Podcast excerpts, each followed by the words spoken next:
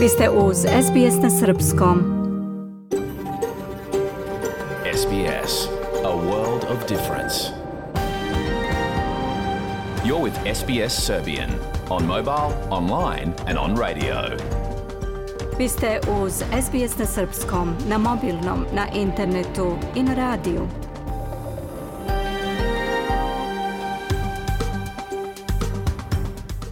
SBS odaje priznanje tradicionalnim vlasnicima zemlje sa koje danas emitujemo program na srpskom jeziku. Ovim izražavamo poštovanje prema narodu Vurunđeri Voj Vurung, pripadnicima nacije Kulin i njihovim prošlim i sadašnjim starešinama. Takođe, odajemo priznanje tradicionalnim vlasnicima zemlje iz svih aboriđanskih naroda i naroda sa ostrva iz Toresovog Moreuza, na čije zemlji slušate naš program.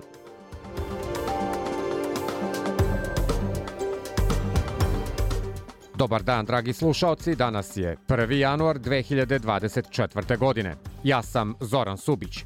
U ime ekipe srpskog programa SBS-a svim slušaocima želimo srećnu, zdravu i uspešnu novu godinu. U današnjem programu, odmah posle vesti i sportskog pregleda, donosimo retrospektivu 2023. godine na australijskoj političkoj sceni. Podsjetit ćemo se koji su to najznačajniji događaji po kojima ćemo pamtiti proteklih 12 meseci. Čućete i zanimljivu priču o istorijatu novogodišnjih praznika i tradicijama koje ih obeležavaju. Takođe donosimo i pregled najvažnijih sportskih dešavanja i govorimo o ličnostima koje su obeležile 2023. godinu u svetu sporta. Ostanite sa nama narednih sat vremena, sledi pregled vesti.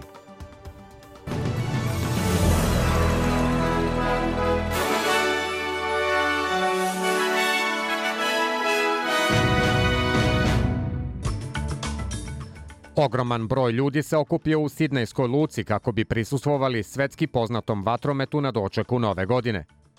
U Demokratskoj republici Kongo su objavljeni rezultati predsjedničkih izbora, 12 dana nakon što su izbori održani. Severna Koreja obećava da će lansirati tri nova špijunska satelita, proizvesti vojne bespilotne letelice i pojačati svoj nuklearni arsenal 2024. godine.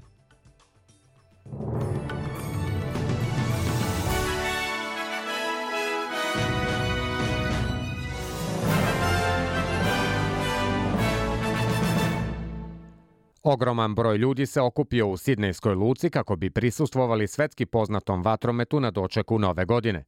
Sada su proslave završene, a svanulo je jutro u novoj godini sa nesigurnostima zbog ekstremnih vremenskih uslova, troškovima života, nepristupačnim cenama stanovanja i ratnih konflikta – Prisutni u Sidnejskoj luci koji su posmatrali vatromet su rekli SBS-u da se nadaju boljim stvarima u 2024. godini. For me particularly and personally it's just be kind to everyone, be considerate and you be kind to others and Za mene naročito i lično moja želja je da budem dobra prema svima, da budem razumljiva i ako ste dobri prema drugima i oni će biti dobri prema vama.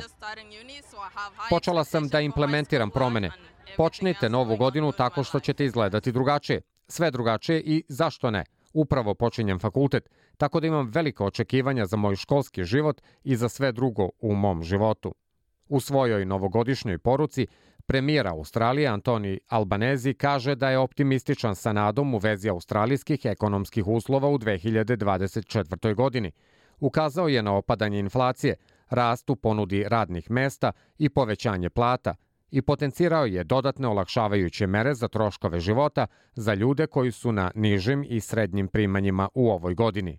I druge zemlje u Azijsko-Pacifičkom regionu su dočekale 2024. godinu. U Japanu, na mestu Zojoji, hrama u Tokiju, sveštenici i članovi javnosti su se smenjivali pri zvonjenju ogromnog zvona kao znak dočeka nove godine.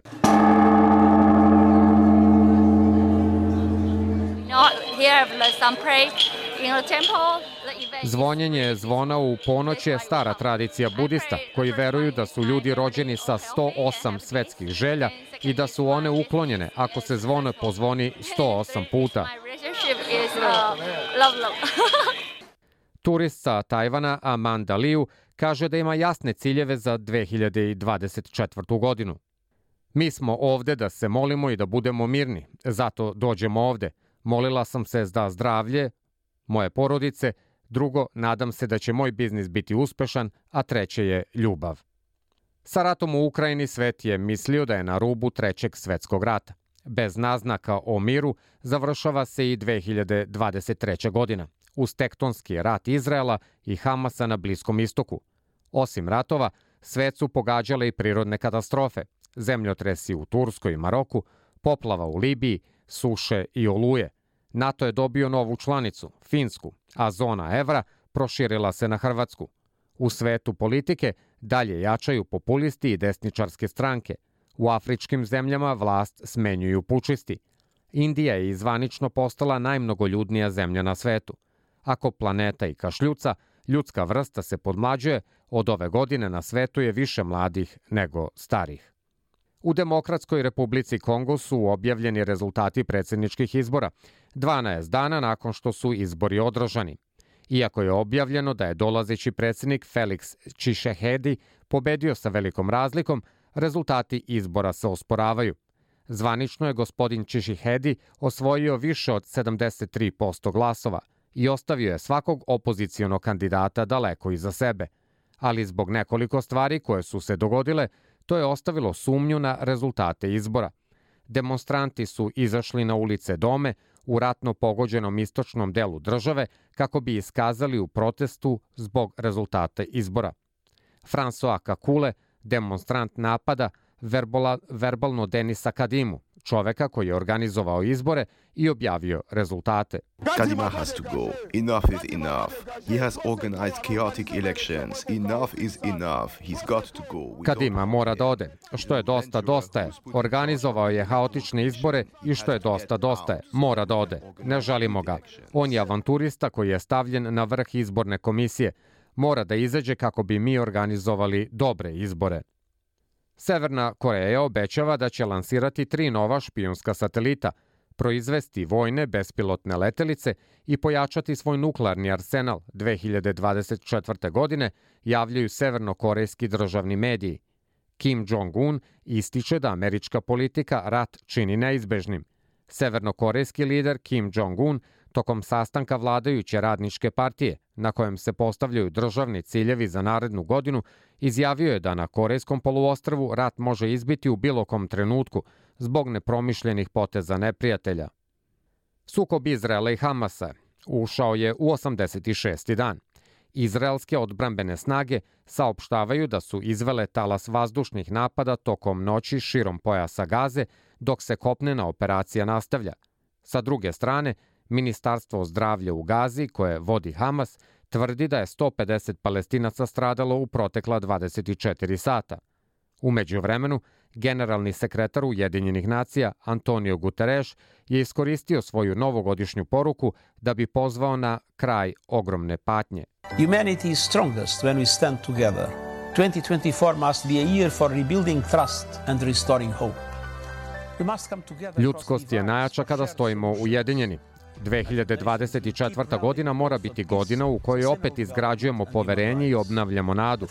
Moramo da se ujedinimo preko tih podela, da bi našli zajedničko rešenje. Ujedinjene nacije će nastaviti da rade za mir, održivi razvoj i ljudska prava. Hajde da odlučimo da napravimo 2024. godinu godinom izgradnje poverenja i nade u svemu što možemo da postignemo zajedno. Predsednik Srbije Aleksandar Vučić rekao je da najjače pritiske po pitanju Kosova i Metohije očekuje u januaru i februaru, jer će, kako je istakao, tada biti pik kampanje oko evropskih parlamentarnih izbora. Vučić je rekao i da je Ana Brnabić postala resurs zemlje, ali da teško da će biti premijer. Ističe i da će za godinu i po dana prosečna plata u Srbiji biti 1000 evra. Vučić je rekao i da međunarodna zajednica ne može sebi da dozvoli da im predsednik Rusije Vladimir Putin kaže kako ste napravili kosovski presedan, a Rusija ne može. Vučić je rekao i to da će kampanja biti jaka zato što slede i izbori za Evropski parlament. Republička izborna komisija u Srbiji donela je rešenje da se na osam biračkih mesta u pet opština 2. januara ponovi glasanje na parlamentarnim izborima. Glasaće se na dva biračka mesta u Bačkom Petrovcu, tri u Beloj Palanci i na po jednom mestu u opštinama Beočin, Mionica i Petrovac na Mlavi. A juče su ponovljeni izbori na 35 biračkih mesta za Skupštinu Srbije. Republička izborna komisija objavila je rezultate izbora na osovu obrađenih 8265 biračkih mesta od ukupno 8273. Prema tim podacima, najviše glasova osvojila je lista Aleksandar Vučić Srbija ne sme da stane. 1.781.695 glasova ili 46,74 odsto. Izborna lista Srbija protiv nasilja osvojila je 902.108 glasova ili 23,66 odsto, izborna lista Ivica Dačić, premijer Srbije, 249.709 glasova ili 6,55 odsto, izborna lista dr. Miloš Jovanović Nada za Srbiju 191.397 glasova ili 5,02 odsto, lista Mi, glas iz naroda, profesor Branimir Nestorović 178.669 glasova ili 4,69 odsto. Praznici nas podsjećaju da treba da budemo humani, da mislimo na one koji možda neće imati šta da stave na prazničnu trpezu, a takvih nije malo. Procene su da u Srbiji ima oko pola miliona gladnih, dok se sa druge strane dnevno baci po 2 miliona kilograma hrane. Na promeni ovakve slike deceniju i po radi Banka hrane u Beogradu, koja stiže do 110.000 korisnika. Banka hrane radi u Srbiji više od 15 godina i sarađuje sa više od 200 organizacija. Katarina Žigić-Blagojević ističe da stižu do 110.000 korisnika godišnje. Ističe da je poskupljenje namirnica uticalo na to da im se javlja sve više potencijalnih korisnika, s tim da Banka hrane Beograd prvenstveno posluje sa kompanijama.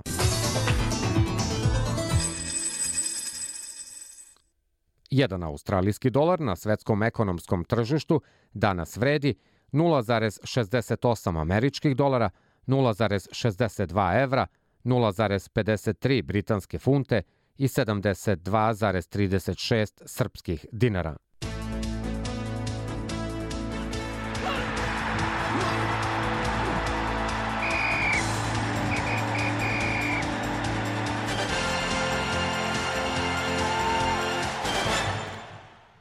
Đoković i Danilovićeva brži od nove godine. Srbija savladala Kinu na United kupu. Đoković i Danilovićeva su bili brži jer su novu godinu dočekali na terenu. Novak Đoković i Olga Danilović su u dublu mešovitih parova savladali Ji Zhang i Ji Wen Zheng sa 2 prema 1 i doneli Srbiji triumf protiv Kine u prvom kolu grupe E United kupa. Srpski tenisar Novak Đoković proglašen je za najboljeg sportistu 2023. godine u izboru španskog sportskog dnevnika Marka, dok je košarkaš Denvera Nikola Jokić na trećem mestu. Nekada najbolji futbaler sveta, Portugalac Cristiano Ronaldo, uprkos tome što uskoro puni 39 godina, završio je godinu kao najbolji strelac sa ukupno 54 gola. Futbaleri Fulama savladali su ekipu Arsenala na svom terenu 2 prema 1 u okviru 20. kola Premier lige. Košarkaši Mege pobedili su na Novom Beogradu Cedevita Olimpiju rezultatom 97 prema 86 u poslednjoj utakmici 14. kola regionalne ABA lige. Kolektivi i pojedinci učinili su bogato sportsko nasleđe Srbije bogatijim. U prethodnoj godini zabeleženi su odlični rezultati, među kojima prednjači dostignuće Novaka Đokovića, svetsko zlato Ivane Španović i srebrna medalja košarkaške reprezentacije na Mundo basketu. Sledi vremenska prognoza koja nas danas do kraja dana očekuje po najvećim gradovima Australije. U Sidneju 26 stepeni i povremene padavine, u Melbourneu 25 stepeni i uglavnom sunčano vreme, u Brisbaneu 27 stepeni, pljuskovi i moguća oluja, u Pertu 29 stepeni i sunčano, u Adelaidu 28 stepeni i oblačno vreme, u Hobartu 22 stepena, takođe oblačno, u Kamberi 27 stepeni i oblačno vreme i u Darwinu 36 stepeni i delimično oblačno vreme. Ovo su bile vesti SBS programa.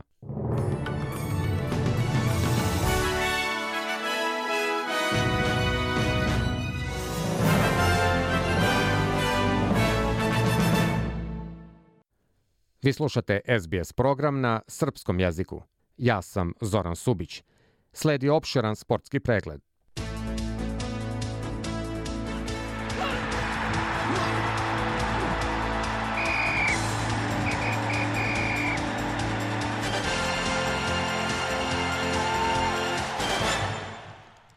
Srpski tenisar Novak Đoković rekao je posle pobede nad Kinezom Ji-Jen Jangom na United kupu da mu je drago da se vrati u Pert te da mu je Australija omiljeno mesto za igru, jer je tu osvojio najviše Grand Slam titula. Najbolji tenisar sveta, Novak Đoković, pobedio je Ji-Jen Janga 2 prema 0 i osvojio prvi bod za Srbiju u duelu protiv Kine na United kupu u Pertu. Jin Wen Zheng je bila bolja od Olge Danilović i izjednačila na 1-1, ali je srpski mešoviti dubl osvojio pobedonosni poen za ukupnih 2 prema 1 i prvu pobedu Srbije na United kupu u Pertu. Nakon što su triumfom u dublu nad Zhizhen Zhangom i Jin Wen Zheng obezbedili pobede Srbije nad Kinom u prvom kolu grupne faze United kupa, Novak Đoković i Olga Danilović su dočekali novu godinu na terenu, u Pertu. Đoković je na Australian Openu osvojio 10 titula, a na narednom brani trofej osvojen prošle godine. Prvi veliki turnir u Melbourneu na programu je od 14. do 28. januara 2024. godine.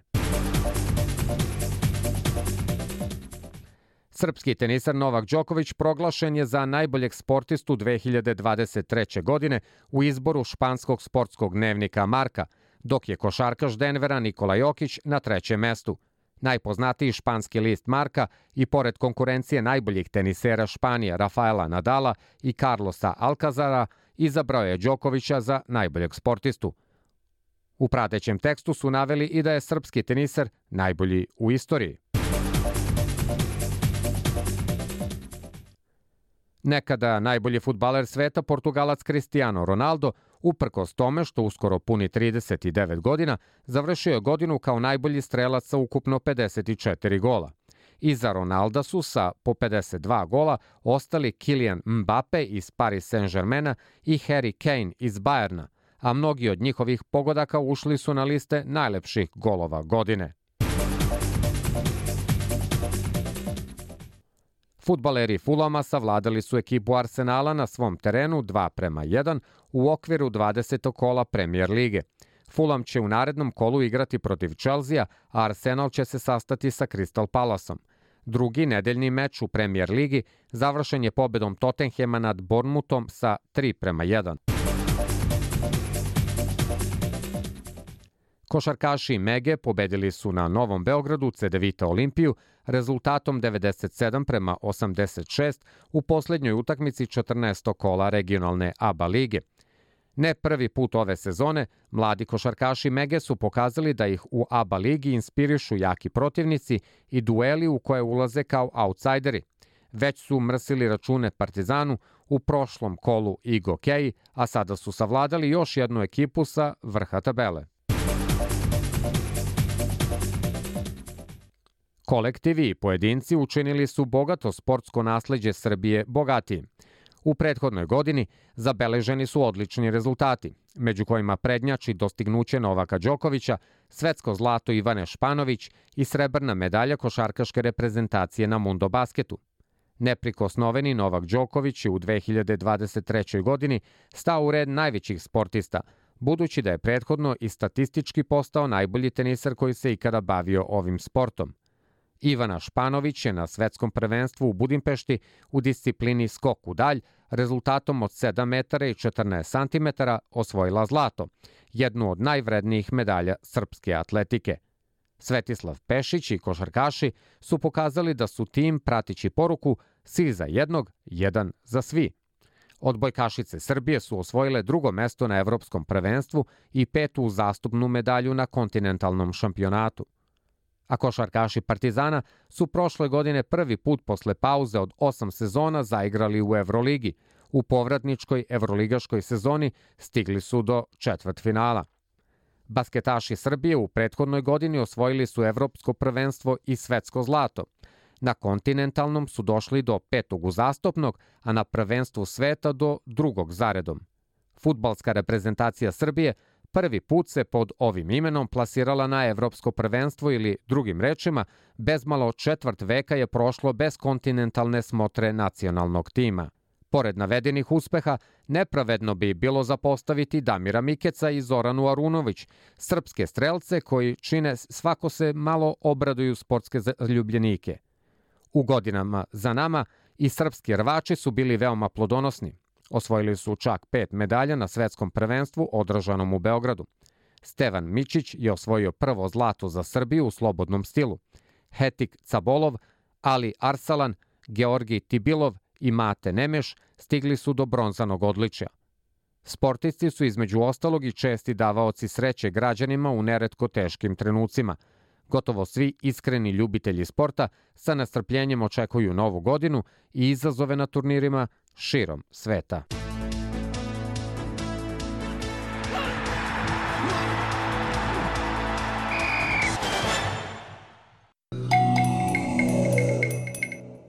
Vi slušate SBS program na srpskom jeziku. Tek nešto više od 15 sati smo u novoj 2024. godini, a svaki početak je i trenutak da se osvrnemo iza sebe i da sumiramo najvažnije što se dešavalo u proteklih 12 meseci. Kada je reč o australijskoj političkoj sceni, godinu za nama obeležio je neuspešni referendum za uvođenje savetodavnog tela glas prvih naroda u parlamentu i u nacionalni ustav. Velikom većinom glasova ovaj predlog je odbačen prošlog oktobra. Šta je još obeležilo 2023. godinu na australijskoj političkoj pozornici, podsjetit ćemo se iz priloga koji je napisao Greg Dajet, a za program na srpskom priredio Branko Cvetojević. Lišen dvopartijske podrške, glas autohtonih naroda parlamentu bio je osuđen na propast. Glasači su na referendumu velikom većinom odbacili predlog za promenu ustava, pri čemu su i sve države i severna teritorija glasale protiv, dok je samo teritorija glavnog grada Australije glasala za uvođenje ovog savetodavnog tela. Nakon što je referendum doživeo neuspeh, premijer Anthony Albanese pozvao je Australijance da budu složni, rekavši da nas rezultat referenduma ne definiše kao naciju. I absolutely respect the decision of the Australian people. Apsolutno poštujem odluku australijskog naroda i demokratski proces kroz koji je ona doneta. Kada se osvrnem na sve što se dešava u svetu, svi možemo da budemo zahvalni što ovde u Australiji donosimo velike odluke na miran način i kao jednaki, istakao je Albaneze posle neuspeha referenduma.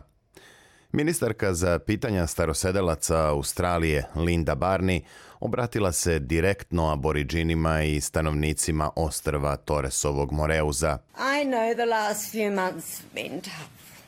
Znam da su poslednjih nekoliko meseci bili teški, ali budite ponosni na to ko ste. Budite ponosni na svoj identitet i na 65.000 godina istorije i kulture čiji ste deo. Lider opozicije Peter Dutton okrivio je premijera za ishod referenduma, rekavši da Albaneze nije slušao šta ljudi žele i šta govore. Ako je već nameravao da održi referendum, onda je trebalo da se glasa o priznavanju starosedelaca, jer bi 70, 80 ili 90 od 100 ljudi podržalo predlog da njihovo priznavanje bude upisano u Ustav, ali premijer to nije uradio, kazao je Daton. I nezavisna senatorka Lidija Torp pozdravila je neuspeh referenduma o glasu prvih naroda. U ovoj zemlji nam je potreban sporazum. Mi smo jedna od samo nekoliko zemalja Commonwealtha koje nema sporazum sa svojim prvim narodima, kaže Torp koja je i sama autohtonog porekla. Pored referenduma, u protekloj godini su u medijima dominirali rastući pritisci troškova života, visoka inflacija i čitav niz povećanja kamatnih stopa. Savezni blagajnik Jim Chalmers je u septembru objavio rekordni budžetski suficit od preko 22 milijarde dolara, prvi u poslednjih 15 godina – Konačan iznos suficita je revidiran u decembru, zahvaljujući porastu poreskih prihoda i višim cenama sirovina. This is evidence uh, of our ovo je dokaz našeg odgovornog ekonomskog upravljanja koje dovodi budžet u mnogo bolje stanje.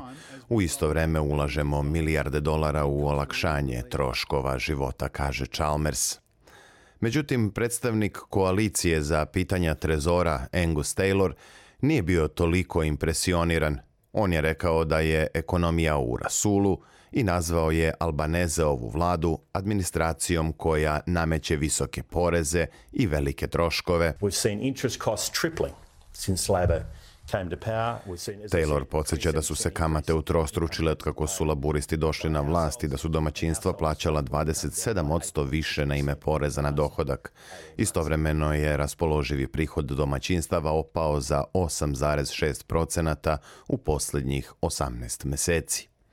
U decembru je Banka državnih rezervi po prvi put za 10 meseci ostavila stopu gotovine nepromenjenu, pa smo u novu godinu ušli sa referentnom kamatom od 4,35%. Kako je u više navrata navedeno, povećanjima kamatne stope centralna banka pokušava da obori inflaciju i da je vrati u ciljani okvir između 2 i 3%.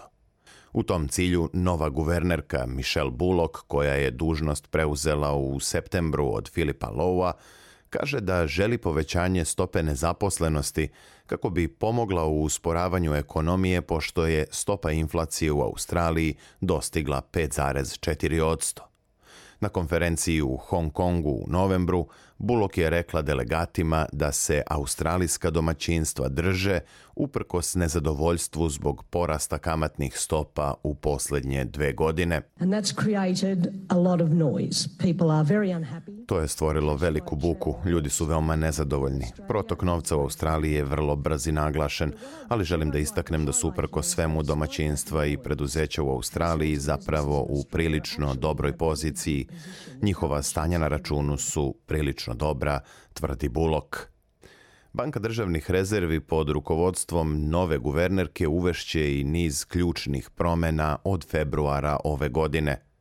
RBA sledi rezultate revizije Centralne banke koja je dala 51 preporuku, uključujući rešavanje problema sukoba interesa i stvaranje otvorenije kulture. Jedna od ključnih promjena biće smanjenje broja sastanaka odbora radi utvrđivanja kamatnih stopa sa 11 na 8 godišnje. Također u okviru nove strategije komunikacije s javnošću, saopštenje posle sastanaka objavljivaće odbor, a ne guvernerka. Kada je reč o politici na saveznom nivou, još jedan važan događaj odigrao se krajem godine kada je Vrhovni sud doneo odluku kojom je utvrđeno da je držanje imigranata u pritvoru na neodređeno vreme nezakonito. Ova odluka dovela je do usijane debate, a Savezna vlada je u decembru odlučila da osnuje novi odbor koji će se baviti kontrolom više od 150 ljudi koji su iz imigracionog pritvora pušteni u zajednicu na neodređeno vreme.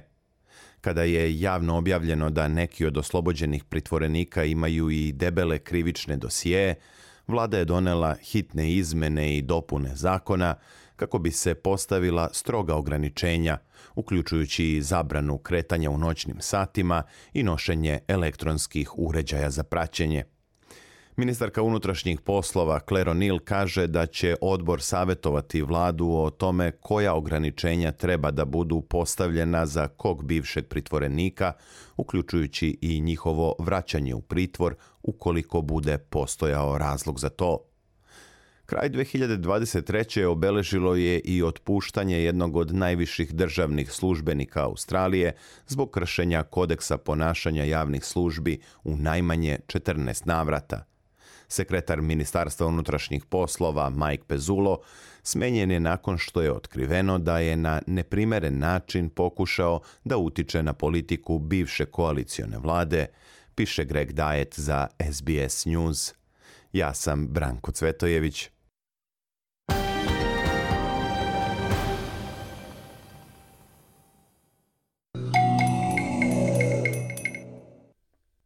Sinoć u ponoć zakoračili smo u novu godinu. Kao i obično, doček su obeležila veselja uz pesmu i igru, kao i čestitanja, uz najlepše želje članovima porodice, prijateljima, kolegama. Ali, da li ste znali zbog čega i od kada nova godina počinje baš u januaru, a ne recimo u martu? I zbog čega Srbi slave dve nove godine? Jednu 1. januara, a drugu dve nedelje kasnije. O istorijatu novogodišnjih praznika i zanimljivim tradicijama koje ih prate čućemo više od Nataše Kamp-Mark.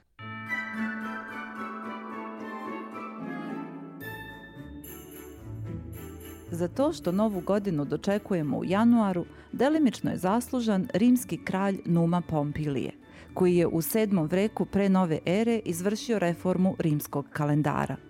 Prema uvedenim reformama, mart koji je do tada bio prvi mesec postao je treći, a januar je postao prvi mesec.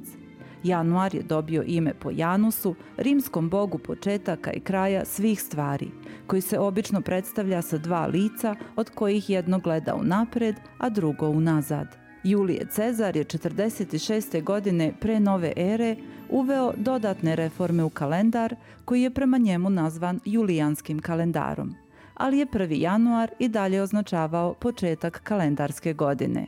Sa širenjem Rimskog carstva proširila se i upotreba julijanskog kalendara.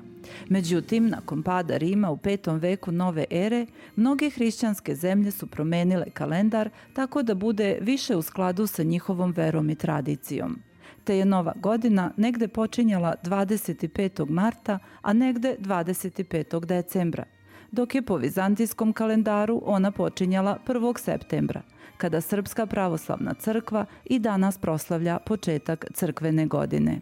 Nakon nekog vremena postalo je jasno da julijanski kalendar zahteva dodatne izmene, pošto je uočena greška u vezi sa računanjem prestupnih godina – Zbog toga je papa Grgur 13. 1582. godine uveo revidirani kalendar koji je vratio 1. januar kao početak nove godine. Italija, Francuska i Španija su odmah prihvatile novi kalendar, ali protestantske i pravoslavne zemlje su ga sporije usvajale. Velika Britanija i njene američke kolonije su prihvatile Gregorijanski kalendar 1752. i novu godinu počele da dočekuju 1. januara umesto 25. marta. Tokom vremena su i nehrišćanske zemlje počele da koriste Gregorijanski kalendar. Kina je počela da ga koristi 1912. iako Kinezi i dalje obeležavaju kinesku novu godinu prema lunarnom kalendaru. Srbija je Gregorijanski kalendar prihvatila u januaru 1919. godine, ali Srpska pravoslavna crkva i dalje koristi Julijanski kalendar, koji se od Gregorijanskog razlikuje za 13 dana, što znači da je 1. januar po Julijanskom kalendaru, 14. januar po Gregorijanskom.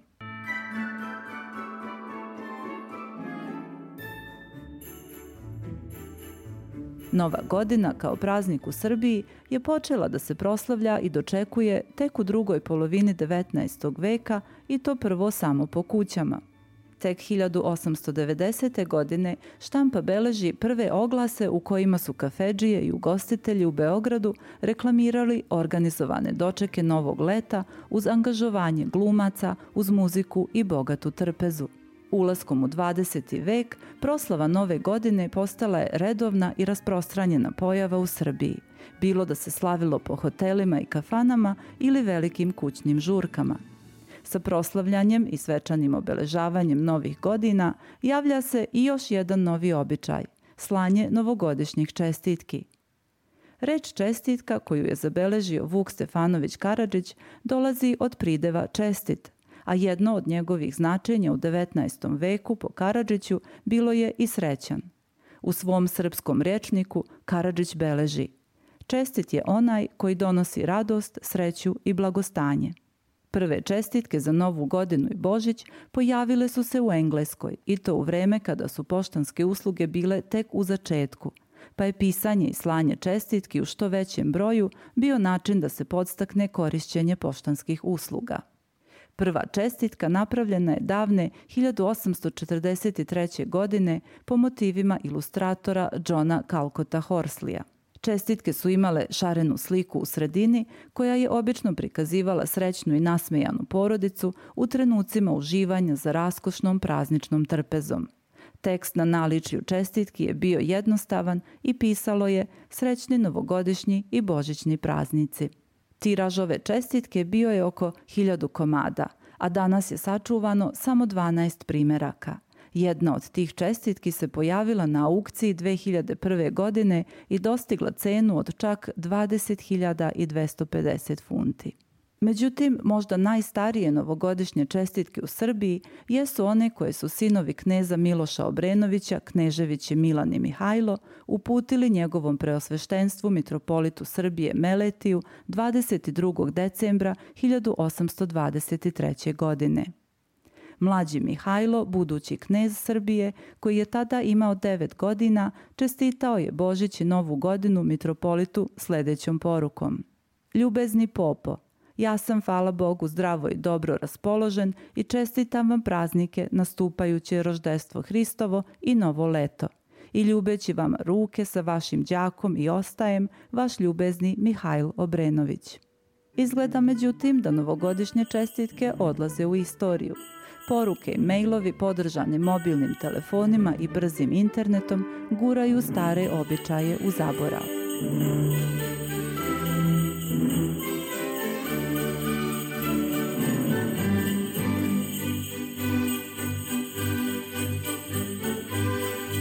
Za razliku od rukom pisanih novogodišnjih čestitki, kićenje jelke je praznična tradicija koja ne pokazuje znake posustajanja – Jelka je jedan od najprepoznatljivijih simbola novogodišnjih i božićnih praznika.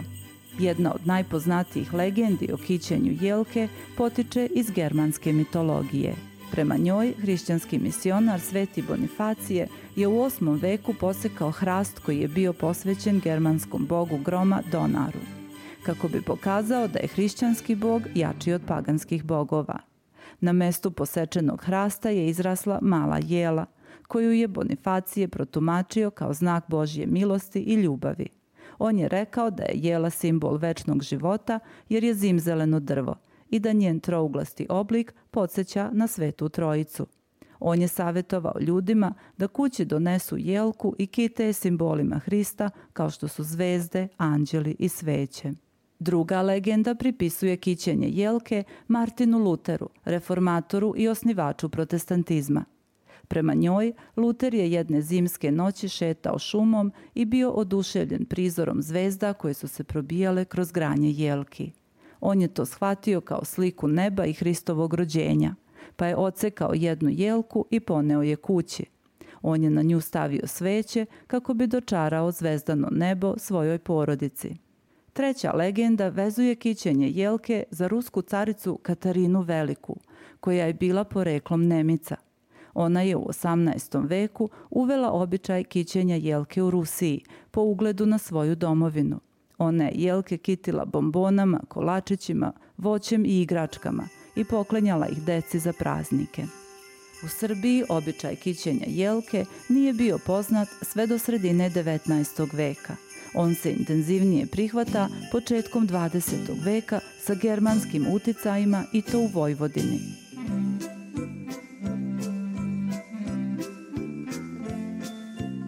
Razni narodi imaju različite običaje za novu godinu. U Argentini jedu pasulj za novogodišnju večeru jer navodno donosi sreću i blagostanje u kuću. Grci tradicionalno kače luk na ulazna vrata kao simbol ponovnog rođenja, napretka i razvoja u sledećoj godini. Za 12 meseci sreće Španci u ponoć jedu 12 zrna grožđa. Crvene trake na vratima simbolizuju sreću i veselje kinezima – U Rusiji je običaj da na papiru napišete želju, spalite papir i ubacite ga u čašu šampanjca, a zatim ga popijete pre ponoći. U Singapursku reku svake godine se pušta hiljade belih kugli koje sadrže želje koje treba da se ostvare u sledećoj godini. Brazilci dočekuju novu godinu obučeni u belo kao simbol sreće – Na čuvenoj plaži Copacabani u ponoć se preskače sedam talasa, pale sveće u pesku i baca cveće u more.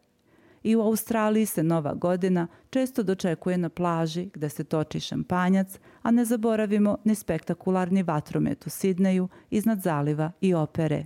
Bilo da slavite na plaži, kod kuće ili u restoranu, neka vam je srećna Nova godina.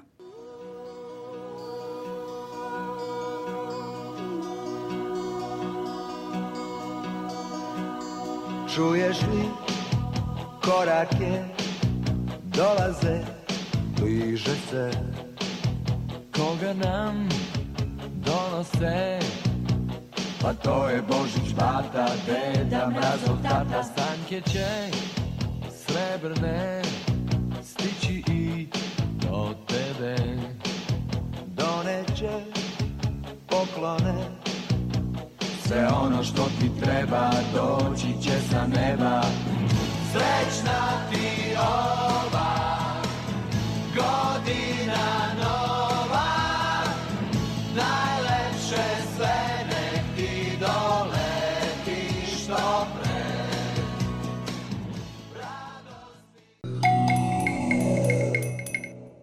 Nastavljamo o sportu u sledećem prilogu. 2023. bila je nezaboravna godina u svetu sporta. Među vrhovskim sportistima koji su ostavili svoj pečat na proteklih 12 meseci naročito se izdvaja Novak Đoković. Srpski teniser je u 2023. osvojio tri Grand Slema i igrao u finalu četvrtog, a godinu je po osmi put u karijeri završio kao prvoplasirani na ATP listi. Pored Đokovića, koji je nadmoćnim partijama obeležio i Australian Open prošlog januara, najveću pažnju u Australiji ipak je privuklo jedno žensko takmičenje. Svetsko prvenstvo u futbolu po prvi put je održano na tlu Australije i Novog Zelanda, a Matilde su ostavile dobar utisak i potvrdile da su s pravom miljenice nacije. O najznačajnijim sportskim događajima u proteklih 12 meseci govorit ćemo u narednim minutima.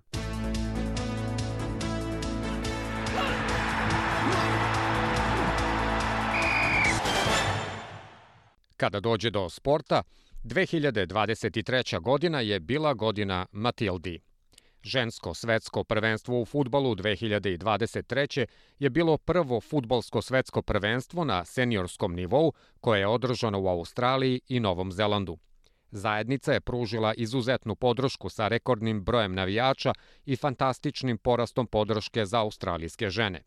Ali to nije bilo bez nekih prepreka na putu – Australija je izgubila kapitena napadačku zvezdu Sam Kerr zbog povrede nekoliko sati pre takmičenja i zbog toga nije nastupala u grupnoj fazi. Možda i nije iznenađujuće što je grupna faza zatim bila problematična za Australiju. Neubedljiva pobeda protiv Republike Irske – Zatim, šokantan poraz od Nigerije je doveo Australiju do toga da mora da pobedi Kanadu u poslednjoj utakmici svoje grupe u Melbourneu kako bi izbegli sramotno ispadanje sa prvenstva u grupnoj fazi i to na domaćem terenu. To se pokazalo kao prekretnica za Australijance. Ubedljivo su pobedili Kanadu, koja je olimpijski šampion sa 4 prema 0. Hayley Russo je postigla dva gola i rekla je da se tim podigao u velikom trenutku. Yeah, it means so much to us. Um, I'm so proud of the girls. We put in a real shift tonight. Everybody fought for each other and Da, znači nam puno. Puno sam ponosna na devojke. Dosta smo truda uložili večeras. Svako se borio jedni za druge i veoma je uzbudljivo da smo izašli iz toga sa ubedljivom pobedom. Mislim da su nam leđa posle prethodne utakmice bila pripijena uz zid. I znali smo da večeras moramo da izađemo i damo sve od sebe. Znali smo da moramo, kad je to potrebno, da bi bili prvi u grupi i pokazali smo taj pristup borbe do kraja i sve smo dali od sebe. I od tada je postajalo sve veće i veće. U osmini finala pobeda protiv Danske u Sidneju sa onim predivnim dodavanjem Mary Fowla, zatim pobeda na penale u četvrtfinalu protiv Francuske u Brisbaneu, što je zaustavilo čitavu zemlju. Courtney Wine je bila heroj sa odlučujućim penalom. To je dovelo do polufinala sa Engleskom u Sidneju i izuzetnim golom za izjednačenje koji je postigla Sam Kerr sa preko 20 metara. Ali na kraju sve dobre stvari se završe, a dva gola u 16 minuta igre koje su Englezi postigli su prekinula san Matildi. Četvrto mesto na svetskom prvenstvu je dalo naciji mnogo srećnih trenutaka, a selektor Tony Gustafson se nada da je to osnova za budućnost futbala u ovoj zemlji. Obviously, it's a bit emotional to sit here and talk about that when you lose a semi-final. I hate to lose, Očito da je emotivno sedeti ovde i pričati o tome kada izgubite u polufinalu. Ja mrzim da gubim, ali rekao sam i pre, veće je nego 90 minuta futbala. Vrlo smo razočarani što smo izgubili, ali nadamo se da smo dobili nešto drugo. Osvojili smo srca i strast za ovom igrom i ovu državu, ali slažem se sa igračima. Ovo nije kraj nečega, ovo mora da bude početak nečega, a sa time dolazi i novac takođe. Sledeće godine Matilde će pokušati da ponove svoju magiju sa svetskog prvenstva kada budu nastupale na olimpijskim igrama, kao što će i muška reprezentacija pokušati to da učini na Azijskom kupu. To nisu bile jedine velike stvari u australijskom futbolu u 2023. godini. Enč Postekoglu je bio trener Celtica sa kojim je osvojio još jednu titulu prvaka u Škotskoj, a onda je prešao na jedan od najvećih trenerskih zadataka na svetu – u veliki Tottenham Hotspur. Snažan početak sezone u svojoj debitanskoj sezoni u severnom Londonu u engleskoj premier ligi je doveo do toga da svet opet stane i zapazi australijski futbal. Na široj sceni Manchester City je konačno osvojio Evropsku ligu šampiona po prvi put kada je u finalu pobedio italijanskog giganta Inter iz Milana – Australijski kriket je imao veliku godinu takođe, jer su pobedom nad Indijom u Londonu u junu osvojili svetsko test kriket prvenstvo po prvi put. Osvojili su i svetsko prvenstvo u 50 overa po šesti put. A u 2024. Australijski muški kriket tim će pokušati da osvoji jedinu svetsku titulu koja im fali, a to je 2020 svetsko prvenstvo koje će se održati na Karibima. Australijska ženska kriket reprezentacija je nastavila da bude vodeći tim na svetu, jer su zadržali Ashes i titulu svetskog prvaka u 2020 kriketu u februaru u Južnoj Africi. Beth Mooney se osvrnula na australijsku dominaciju u svetu u kojem se ženski kriket rapidno razvija.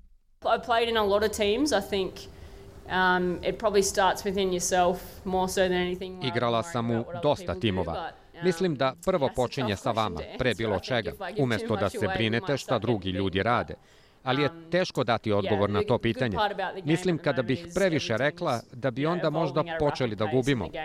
Ali dobar deo igre je da se svaki tim razvija na rapidnom nivou takođe. I igra se razvija rapidnom brzinom. Stvarno sam uzbuđena onim što sledi i zbog izazova koji su ispred nas. Australija ulazi u 2024. godinu sa novim kapitenom Alisom Healy, nakon što se iz internacionalnog kriketa povukla Meg Lanning. Muški tenis je u 2023. ispričao opet onu staru priču. Novak Đoković. Srpski teniser je osvojio tri od četiri Grand Slema, a sve je počelo triumfalnim povratkom na Australian Open nakon drame sa vakcinom u 2022. Đoković je takođe povećao svoj rekord jer je osmu godinu završio na ATP listi kao broj 1 igrač na svetu i takođe je i proveo najviše nedelja kao broj 1 u svetu, kada je proslavio 400 nedelja na vrhu, a još uvek je prvi i taj broj se još uvek povećava svake nedelje. You know, it's, um, it's a great reward, I think, for Znate, velika je to nagrada za moj tim i mene i porodicu.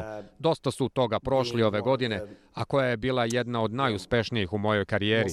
Četiri od pet najvećih turnira sam osvojio i igrao finale Wimbledona, tako da ne bih mogao da tražim više od toga iskreno. Veoma sam ponosan na ovu sezonu.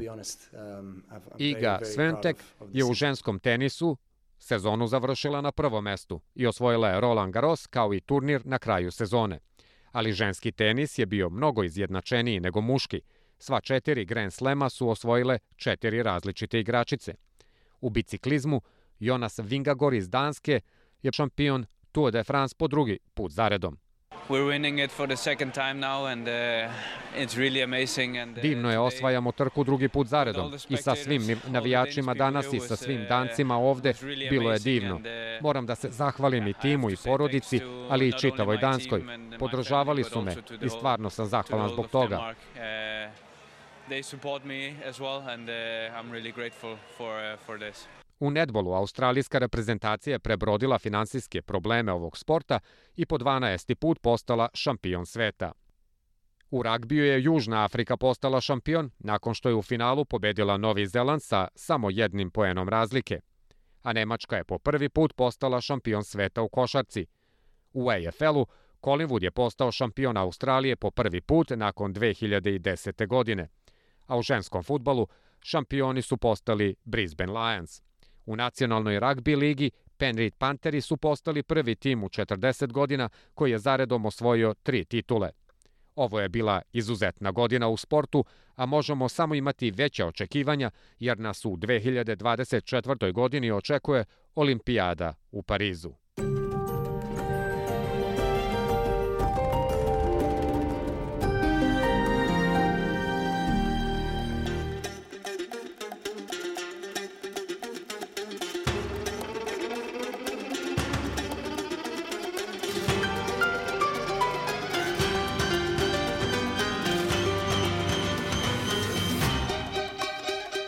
Vi ste slušali SBS program na srpskom jeziku ovog prvog dana 1. januara u novoj 2024. godini. Želim vam prijatno popodne i prijatno veče i možda ponovljeni doček nove godine večeras, a nova emisija na srpskom jeziku je sutra u 15 časova. Sa vama je u Melbourneu bio Zoran Subić. Do slušanja i prijatno.